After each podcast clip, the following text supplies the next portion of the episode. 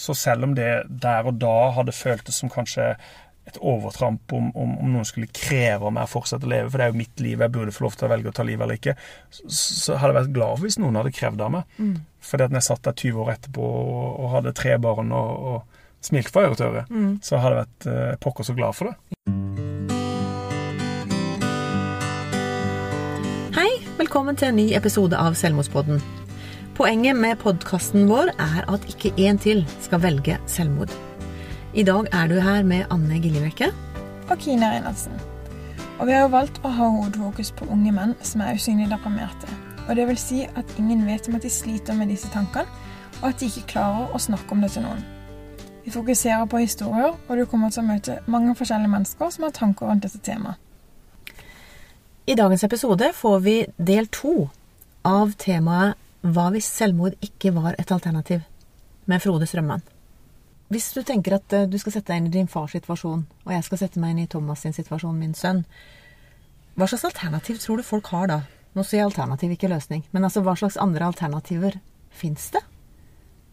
Det er jo den spiralen man kommer inn i, da, ikke sant? der man, den blir, sånn selvforsterkende at man, man, man etter hvert så er det det eneste man, eh, man kan se for seg. Men eh, for det første så må jo liksom, som sagt da, ikke ligge der som en mulighet, men, men at man har forskjellige altså, ting og måter å bryte ut av det. Og da er det selvfølgelig det at terskelen for å gå til psykolog, terskelen for å si 'hei, jeg sliter', terskelen for å, å, å, å si at 'jeg har ikke et perfekt liv', den, den bør være mye, mye lavere. Uh, og, og, og jeg syns man skal være flinkere til å si at vet du noe, det er ingen som er lykkelige. Livet er ikke 100% hele tida. Nei. og det er sånn at selv om jeg sykler nedover gatene og smiler fra øre til øre, så gjør jeg ikke det fordi livet mitt er helt perfekt. Jeg gjør det fordi jeg har det bra akkurat da. Ikke sant? Eh, jeg husker jeg, jeg hadde to polakker som var hjemme og jobba hos meg når jeg pussa opp huset mitt her i Lillesand. og så Akkurat da var datteren min mye innlagt på sykehus, for hun hadde kreft. Um, og vi sto i mye tøft. Og så, og så sier han til meg en dag vi skulle kjøre og hente noe stein for å bygge en natursteinsmur, og så sier han Why are you always smiling, Frode? Because I know how bad Eller han liksom Why? Why are you always smiling? Og så sa jeg bare Because I know how tough it can be. So when it's good, it's good. Ah, ok. When I smile, I smile. When I cry, I cry. så, og, så det er noe med det også å, um, å tillate seg selv at ikke det på at det skal være perfekt. Mm. Du sa jo sjøl i stad at uh, du hadde vært inne på disse tankene sjøl. Mm. Hva, hva var det som fikk deg til å, å snu? Ja, det, var egentlig, det var egentlig ene alene at jeg kjente til min egen historie. Ikke sant? At jeg visste at, uh, hvor vondt jeg hadde det fordi min far hadde tatt livet av seg. Ja. Det var ene og alene eh, fordi at jeg ville ikke påføre min mor og mine søsken og de som var glad i meg, den samme smerten som min far hadde påført oss. Mm. Uh, Så jeg klarte å sneppe ut av den egoistiske tanken om at, uh, at Og jeg visste at dette her blir ikke bare bra for alle andre at jeg forsvinner. Jeg visste at det ville være vondt for dem. Mm. Så, så, så det redda meg jo, liksom. At jeg, at jeg hadde den erfaringen. Og det er derfor jeg mener at hvis vi kan komme mer fram med de historiene om de som sitter igjen, Mm.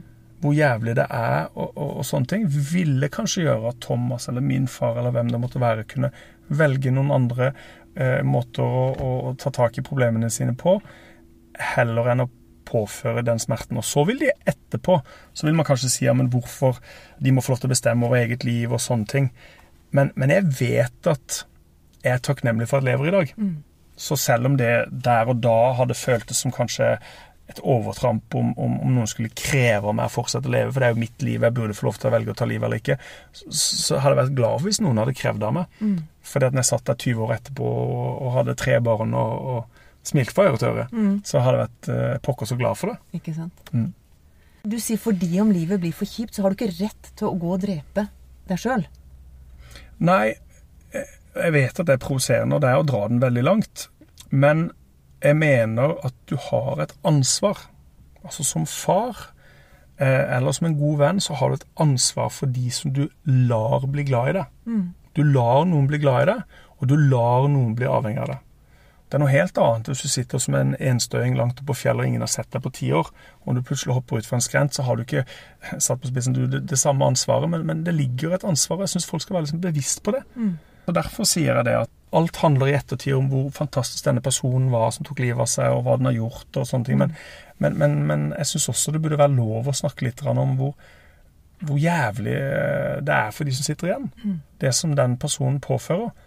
Og så er det nettopp det at jeg tror at den personen som gjør det, ikke er klar over hvor jævlig det er. Mm. Jeg tror det sitter altså Hvis de hadde samla mange av de som tok livet av seg, av disse unge mennene tar livet av seg, og de hadde sett etterpå hva de har stelt i stand for noe, Mm. så tror jeg de hadde valgt noen andre løsninger. For de hadde ikke villet påføre den smerten til mamma eller søster eller til, eh, til, til, til, til barna sine. Ja. Derfor mener jeg at det skal ligge litt sånn, litt sånn foran i, i, i hodelappen. At, at det er ikke bare fine begravelser, fine minneord og, og, og hei og hå, men det skal være litt sånn derre OK, hvis jeg gjør dette her, så må jeg på en måte være klar over hva jeg faktisk påfører uh, de som jeg har latt bli glad i meg òg. Mm. Du sa jo det her med å være sinna. Og det er litt sånn der som, som jeg etter ni måneder nå begynner å tenke på. Hvorfor har jeg aldri fått tak i det sinnet ennå? Har vi lov til å være sint etterpå? Eller hva, må vi være sinna? Jeg tenker det må være lov å være sinna, men det er veldig vanskelig. Fordi at det er så mye fokus på, på dette positive rundt den personen som tar livet av seg. Eh, så det er veldig vanskelig. Så er det veldig ofte snakk om at den personen var syk. Mm. Det er veldig vanskelig å være uh, sinna på noen som er syke. Mm. Og det er veldig vanskelig å være sinna på noen som er døde. Mm. Eh, og du kan ikke være sinna på de rundt deg, for de er jo i sorg.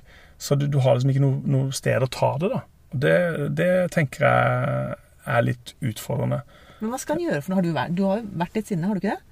Jo, jeg var, jeg var en del sinna i, i starten, må jeg absolutt si. Men hva Eh, gjorde, hva gjorde Nei, du for å bli kvitt det? Jeg liksom? diskuterte med psykologen min om jeg skulle Jeg hadde jo litt arva 97 000, da, så jeg lurte på om jeg skulle bruke 10 000 på å kjøpe et drivhus, og så knuse det.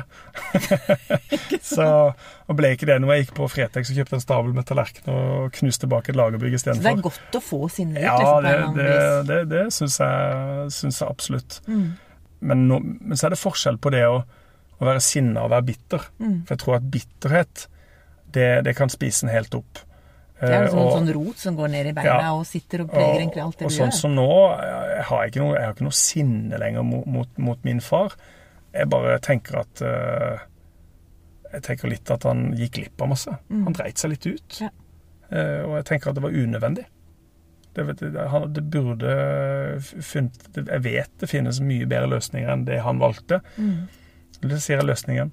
Eh, Ja, men så- det er jo lov å si løsningen Ja, på den sida. ja, ja. For det er jo faktisk Ja. løsninger. Den siden er det lov. Det vi ikke Så, har lov til å si, er jo at selvmord er en løsning. Ja. Det har vi kutta ut nå. Vi er kommer, vi, vi kommer å gå i fella igjen og igjen, det er jeg helt sikker på. Mm. Men så er det jo dette her med at nå er det covid-19 eller korona som vi snakker om. Mm. Så mange folk opplever jo å være i en krise nå. Og noen takler det bedre enn andre. Mm. Har de hatt noe innflytelse på det, her, eller har du merka noe til den eh, koronaen, du? Ja, for jeg har jo ja, for definitivt. I business så har jeg jo alle ansatte er jo permitterte, og, og, og vi sliter med masse utfordringer eh, sånn sett. Men, eh, men jeg tror nok jeg er bevisst på hva som er, viktig i livet, for jeg har truffet så mye mennesker helt fra helt nederst i samfunnsstigen til helt øverst, og alle har problemer. Mm. Ingen har det perfekt, uansett om du har 10 millioner eller 100 millioner eller, eller null kroner. Så ser jeg at folk sliter med akkurat de samme tingene. og og materialistiske ting er ikke det som på en måte gjør en lykkelig, og det får man en sånn kjempegod sånn reminder på, da. Hva som er, er viktig i livet. Eh, og nå har jeg pappaperm òg, da. Selv om jeg liksom prøver å sitte i bankmøter og, redde det som er eh, ved Det, av det høres ikke veldig som pappaperm når jeg skal ha tak i det. Så var det sånn ja, akkurat mellom da og da kan vi ta det, for ellers så løper du som en strikk, Ja. liksom. Men så har man jo men, men, men jeg klarer jo nå, voksen, når jeg er blitt voksen, så ser jeg at jeg klarer mye mer å være til stede Mm. eh, med han lille på snart eh, ett år, da. På en helt annen måte. Og det er jo bare sånn fantastiske øyeblikk. Sånn som i dag morges våkna han klokka halv seks, og tenkte jeg, ja, da sto han og rista i senga og ville opp. Eh, og så gikk jeg inn og tenkte jeg gir det ett forsøk, så jeg la han oppå meg, og så, og så sa jeg du må sove. Og så sovna han faktisk med kinnet sitt oppå mitt kinn. Ja. Og så lå jeg liksom eh, i, i en halv time der han lå og sov og sigla ned på mitt kinn. Eh, og det var sånn, det var sånn fullkommen lykke. Selv om jeg var pissetrengt og skulle egentlig på do, så lå jeg der bare og, og nøyt det. Og, og da kan covid-19 eller business være akkurat det samme. Det er, det er sånne øyeblikk som, Det er magiske eh, øyeblikk. som teller. Og tenk at jeg kunne gått glipp av det Ja. hvis jeg hadde tatt livet av meg. Og, og det er sånn der, Jeg ville bytta den halvtime min sønn i dag morges mot ti år med, med, med depresjon. altså hvis jeg hadde visst det. Eh, og, og, og hvis du hadde sagt nå Frode, du skal få en halvtime sånn nå, men det går ti år til neste gang, så hadde jeg tatt det. Fordi at det, eh, er blitt så bevisst på at vi lever på jorda fra null sekunder til 100 år eller over det. Og vi vet aldri når tid det stopper. Og etter det, uansett religion eller hvor du kommer fra, så vet vi ikke 100 hva som skjer etterpå. Det vi vet 100 så vi kan stadfeste, er at vi lever fra null til 100 år. Og, da, og det er bare et knips i evigheten. Det er bare et lite, lite glimt. Eh, og da tenker jeg i hvert fall jeg for min egen del at da, da får jeg ta den smerten som er og kommer i, i, i bølger i livet. Fordi at det er så så, så mye bra som skjer. Så fantastisk mye bra. Og så heller, eh, heller eh, omfavne de eh, gode tingene. Det søk hjelp og, og alt det der, men hold ut, da. Stå i det. Fordi at det er verdt det, og, og, og det kan ta lang tid. Så man kan ikke stekke noe quick fix. Verken på å være i en tøff periode eller ha det tøft i livet. Det, det er ikke slik at det bare nødvendigvis løser seg over natten, men man, man må tørre litt, og man må satse litt. Jeg, jeg var en, en fyr jeg hørte på TV en gang som sa det at de har gjort forskning på hvem som har mest flaks i livet. Ehm, og det viser at de som er på det utadvendte og risikovillige, har mest flaks. Og det bunner egentlig ut på at det er ikke sånn at noen mennesketyper har mer flaks enn andre. Det er bare de som er villige til å ta mer sjanser.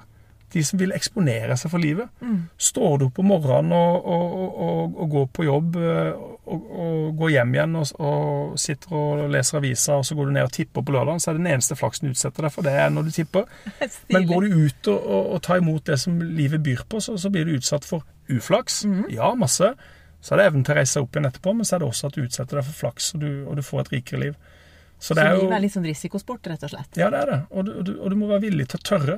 Det fins ingen garantier for at når du, når du investerer i venner eller, eller, eller Og det var kanskje det jeg brukte aller mest tid på etter, etter min far tok livet av seg. At når du, når du er 17 år gammel og den viktigste personen i livet ditt svikter deg, så skal du prøve å bygge opp en tillit til at du kan stole på folk igjen. Stole på en kjæreste, stole på en familiemedlem, stole på en jobb, stole på at ikke det går til helvete. For det verste har jo skjedd. Mm. verste- Du vet at det verste er mulig. Men, men, ehm, men det er rett og slett det å, å, å, komme seg ut og eksponere seg for flaks. Fantastisk. Jeg tror det får være det siste Mm. som vi hører fra deg foreløpig, Frode. Tusen takk for du tok deg tid i en travel hverdag som du har. Og det var egentlig, jeg lærte veldig mye av det. Ja, tusen takk. Det var veldig, veldig, veldig hyggelig å kunne komme. Vi avslutter som vanlig med å fortelle deg hvor du kan få hjelp. Kirkens SOS og Mental Helse har begge døgnåpen krisetelefon.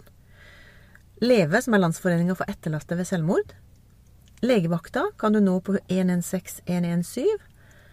Så har det et tilbud som heter Kors på halsen fra Røde Kors, som er en lavterskel eh, samtaletelefon for barn og unge under 18. Og så er det dette nye tilbudet som heter Snakk litt, som er fra Helsesista, Kirkens SOS og Nyby. Så med det så ønsker vi dere bare en riktig god dag videre.